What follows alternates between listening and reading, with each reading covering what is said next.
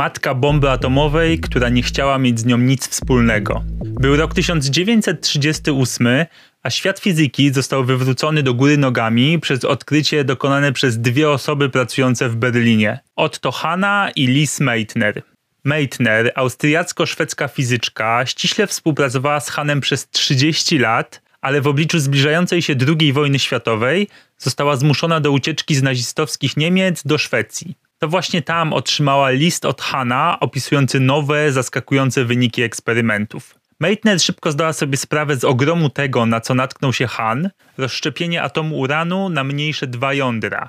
Proces, który później będzie znany jako rozszczepienie jądra atomowego i podstawę bomby atomowej.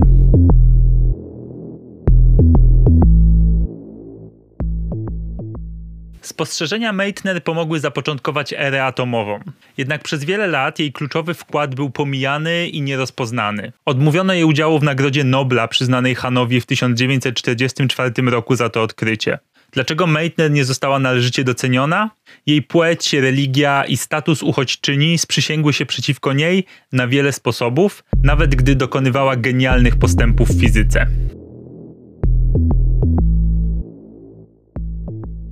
Lisa Meitner urodziła się w 1878 roku w żydowskiej rodzinie w Wiedniu w Austrii.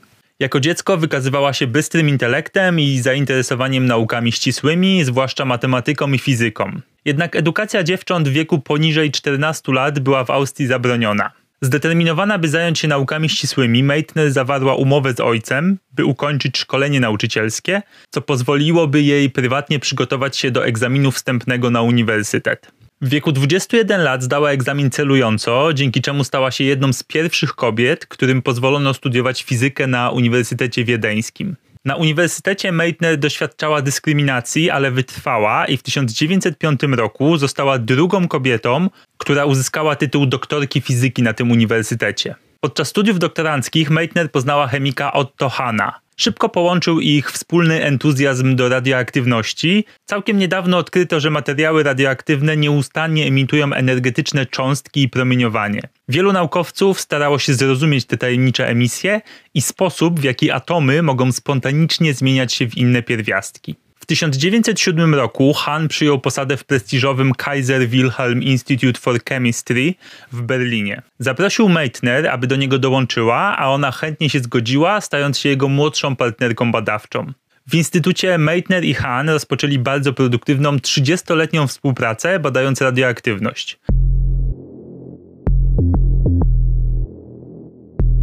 Odkrycie protaktynu.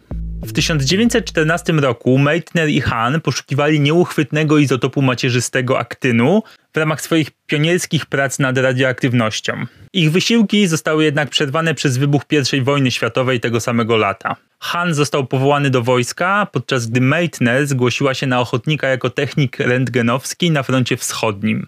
Kiedy Meitner wróciła do laboratorium pod koniec 1916 roku, większość jej kolegów została powołana do służby wojennej. Niezrażona postanowiła sama rozwiązać zagadkę aktynu. W lutym 1917 roku Meitner wyekstrahowała 2 gramy materiału z 21 gramów rudy uranu. Odłożyła połowę próbki i dodała znacznik do drugiej połowy, którą następnie poddała złożonej serii chemicznych etapów oczyszczania. Ku jej podekscytowaniu ta wyizolowana frakcja emitowała promieniowanie alfa, sugerując obecność nieznanego pierwiastka, którego poszukiwali. Meitner przeprowadziła serię testów, aby zidentyfikować źródło cząstek alfa. W procesie eliminacji udowodniła, że nie pochodzą one ze znanych emiterów alfa, takich jak ołów albo tory. Kiedy Han wrócił do laboratorium, pomógł Meitner zaprojektować dalsze eksperymenty, które ostatecznie zweryfikowały jej odkrycie. Do grudnia 1917 roku Meitner wyizolowała zarówno nowy pierwiastek, jak i jego produkt pochodny, aktyn. Nazwała ten pierwiastek macierzysty protaktynem ze względu na jego pozycję w układzie okresowym powyżej aktynu. Meitner odniosła sukces tam, gdzie wielu innych poniosło porażkę, pokonując ogromne wyzwania związane z wojną i uprzedzeniami ze względu na płeć. Ale kiedy opublikowała pracę w 1918 roku, tylko Han został wymieniony jako odkrywca. Meitner pojawiła się w przypisie, gdzie dziękowano jej za bardzo cenne sugestie.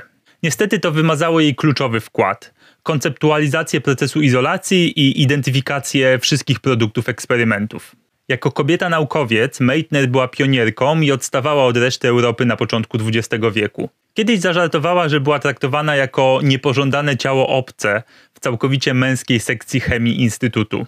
Meitner była mentorką tylko garstki doktorantów, ponieważ profesury z fizyki były wówczas całkowicie zamknięte dla kobiet. Przez całą swoją karierę spotykała się ze sceptycyzmem co do swoich umiejętności, a odwiedzający ją naukowcy początkowo mylili ją z gosposią lub sekretarką. Jednak dzięki wsparciu Hana, który jak już wiemy i jeszcze się dowiemy w kluczowych momentach wykluczał ją jednak z pracy, oraz niezaprzeczalnej błyskotliwości jej umysłu, Meitner stopniowo zyskiwała uznanie naukowe. W 1926 roku została mianowana profesorką fizyki w Kaiser Wilhelm Institute. Stała się dopiero drugą kobietą profesorem fizyki w Niemczech. Nadal jednak istniały bariery instytucjonalne. Na przykład Meitner nie mogła wejść do sali obiadowej dla wykładowców w instytucie, ponieważ była ona przeznaczona wyłącznie dla mężczyzn. Jednak nie tylko bycie kobietą stanowiło dla niej problem. Jej dziedzictwo jako Żydówki z Austrii również narażało ją na uprzedzenia, zwłaszcza gdy antysemityzm nasilił się w Niemczech pod rządami nazistów. W latach 30. nowe przepisy zakazywały żydowskim naukowcom zajmowania stanowisk w służbie cywilnej. Meitner straciła stanowisko profesorki i stała się coraz bardziej odizolowana w instytucie. Jako fizyczka była również napiętnowana za pracę nad żydowską fizyką, teoretyczną nauką zapoczątkowaną przez Einsteina, która została później oczerniona przez nazistów. W 1938 roku Meitner wiedziała już, co się dzieje i planowała ucieczkę do Szwecji. Później wspominała, że musiała potajemnie uciec z Berlina, korzystając z austriackiego paszportu i pomocy holenderskich fizyków. Była to bolesna decyzja o pozostawieniu swoich badań, przyjaciół i cennego fortepianu. Jednak zaledwie kilka dni po ucieczce Meitner otrzymała od Hanna list, który zmienił jej życie. Odkrycie rozszczepienia atomowego. Hahn opisał swój ostatni eksperyment polegający na bombardowaniu uranu neutronami, w wyniku którego powstały znacznie lżejsze pierwiastki, takie jak bar. Według ówczesnej fizyki nie powinno to być możliwe. Meitner natychmiast zrozumiała, że jądro uranu musiało się rozpaść, zaprzeczając przyjętemu poglądowi, że atom jest niepodzielny. Po dalszych matematycznych obliczeniach podczas zimowego spaceru obliczyła, jak ogromne musi być uwolnienie energii, które nastąpiłoby w wyniku rozszczepienia tak dużego jądra. Wraz ze swoim siostrzeńcem Otto Frischem Meitner ukuła nowy termin rozszczepienie jądra atomowego. Meitner kontynuowała korespondencję z Hanem i opublikowała swoje teoretyczne wyjaśnienie w 1939 roku. Później tego samego roku Han i jego asystent Strassman opublikowali więcej dowodów eksperymentalnych. Gdy znaczenie odkrycia stało się jasne, badania nad rozszczepieniem jądra atomowego eksplodowały w całej społeczności fizyków. Meitner została początkowo doceniona za swoje spostrzeżenia i nazwana niemiecką Marie Curie, ale to był dopiero początek jej upokorzeń. Han i Meitner tworzyli skuteczny zespół. On zapewniał wiedzę chemiczną, podczas gdy ona interpretowała fizykę. Istnieją jednak silne przesłanki, że Han nie czuł się do końca komfortowo, mając koleżankę, która go wyprzedzała. Meitner twierdziła, że Han początkowo opierał się zdobyciu przez nią doktoratu, obawiając się, że będzie to oznaczać, że jego praca zależy od niej. Później, gdy została mianowana profesorką fizyki w instytucie, Han martwił się głośno, że Meitner wkrótce może zostać jego szefem. Ich relacje zaczęły się psuć w latach 30., gdy żydowskie pochodzenie Meitner naraziło ją na coraz większe niebezpieczeństwo w nazistowskich Niemczech. Prywatnie Han prawdopodobnie martwił się, że otwarte pomaganie jej może zaszkodzić jego własnej pozycji. Publicznie jednak bagatelizował ten kryzys, a nawet ostatecznie pomógł jej zaplanować ucieczkę do Szwecji, o której wam opowiadałem. Podczas gdy ich osobista sympatia pozostała, polityka tamtych czasów nieuchronnie nadwyrężyła ich partnerstwo i doprowadziła do podjęcia przez Hana decyzji, która na zawsze zniszczyła ich relacje. To prawdopodobnie właśnie te napięcia wyjaśniają decyzję Hana o opublikowaniu kluczowych odkryć dotyczących rozszczepienia jądrowego bez podania nazwiska Meitner w samym artykule. Znowu, dostarczyła ona całe ramy teoretyczne opisu zjawiska rozszczepienia jądra atomowego, ale tylko Han i jego asystent pojawili się jako autorzy przełomowego artykułu ze stycznia 1939 roku, w którym ogłoszono rozszczepienie jąder uranu. Dlaczego Han znowu wykluczył ją z artykułu? Wydaje się, że w grę wchodziła złożona mieszanka czynników. Wspomnienie Żydówki, która uciekła z Niemiec, mogło zdyskredytować odkrycie w nazistowskich Niemczech. Han mógł również obawiać się, że jej status uchodźczyni oznaczał, że nie zasługiwała już na bezpośrednie uznanie. Zazdrość zawodowa również mogła odegrać pewną rolę, ponieważ Meitner opracowała koncepcję odkrycia, na które Han natknął się tylko przypadkowo. Współpraca Meitner i Hanna nigdy w pełni nie odzyskała równowagi po tej zdradzie. Meitner była głęboko zraniona tym, że Han nie uznał jej publicznie, a także umniejszeniem jej roli podczas odbierania jedynej Nagrody Nobla w 1944 roku. Bo gdy Han otrzymał Nagrodę Nobla za rozszczepienie jądra atomowego, Meitner została szokująco pominięta, mimo że zinterpretowała dowody i szczegółowo opisała teorię rozszczepienia. Han zbagatelizował nawet jej rolę w swoim wykładzie noblowskim, choć później po latach uznał jej wkład w to odkrycie. Meitner była głęboko zraniona wykluczeniem z tego najwyższego naukowego wyróżnienia. Było kilka powodów, dla których Komitet Noblowski pominął Meitner. Jako kobieta jej reputacja naukowa została odrzucona pomimo jej udokumentowanych odkryć. Jej wygnanie do Szwecji również oddaliło ją od jądra badań skupionych wokół Hana. Niektórzy sugerują, że Han celowo ukrył jej kluczowe spostrzeżenia w swoim wykładzie noblowskim, czując się zagrożony błyskotliwością Meitner. Wybuch wojny i związane z nią uprzedzenia prawdopodobnie również odegrały dużą rolę. Matka bomby atomowej, którą nigdy nie chciała być. Oprócz niesprawiedliwości związanej z Noblem, Meitner musiała później zmagać się z moralnym ciężarem jej odkrycia, które zostało wykorzystane do budowy broni atomowej. Była przerażona, gdy prasa nazywała ją matką bomby atomowej.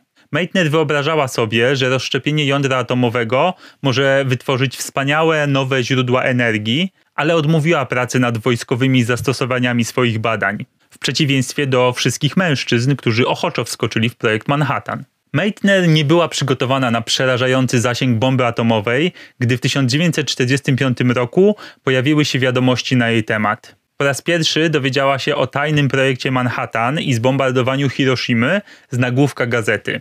Meitner jadła wtedy obiad z przyjaciółmi w domku na wsi, a kiedy zobaczyła słowa bomba atomowa zrzucona na Japonię, krew odpłynęła jej z twarzy i musiała opuścić pokój przytłoczona niepokojem. Meitner napisała później do przyjaciela: Muszę przyznać, że mogłam przewidzieć ten straszny rozwój wydarzeń i czuję się bardzo samotna. Dręczyło ją poczucie winy, bo czuła, że powinna była przewidzieć, jakie podstawowe badania zostaną wykorzystane do tak niszczycielskich celów. Meitner głęboko opłakiwała również niewinne ofiary śmiertelne, nazywając bombę najstraszniejszą rzeczą, jaką kiedykolwiek wynaleziono.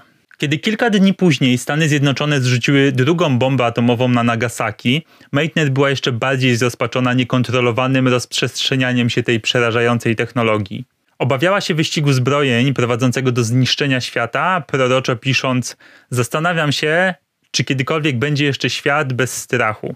Meitner opowiadała się za kontrolą energii atomowej w celu wykorzystania jej do celów pokojowych, takich jak produkcja energii elektrycznej. Jej apele pozostały jednak w dużej mierze bez odzewu w obliczu eskalacji zimnej wojny. Jednak Meitner ostatecznie doszła do wniosku, że wina nie leży po stronie naukowców, ale polityków, którzy skierowali badania w kierunku działań wojennych, a nie celów humanitarnych. Uważała, że sama nauka jest moralnie neutralna i zyskuje dobry lub zły charakter, służąc dobrym lub złym mistrzom. Jednak tragedia Hiroshimy i Nagasaki na zawsze naznaczyła ostatnie lata życia Meitner. Choć odkryła fundamentalny proces napędzający bomby, miała poczucie winy z powodu braku mocy, aby zapobiec ich rozprzestrzenianiu się.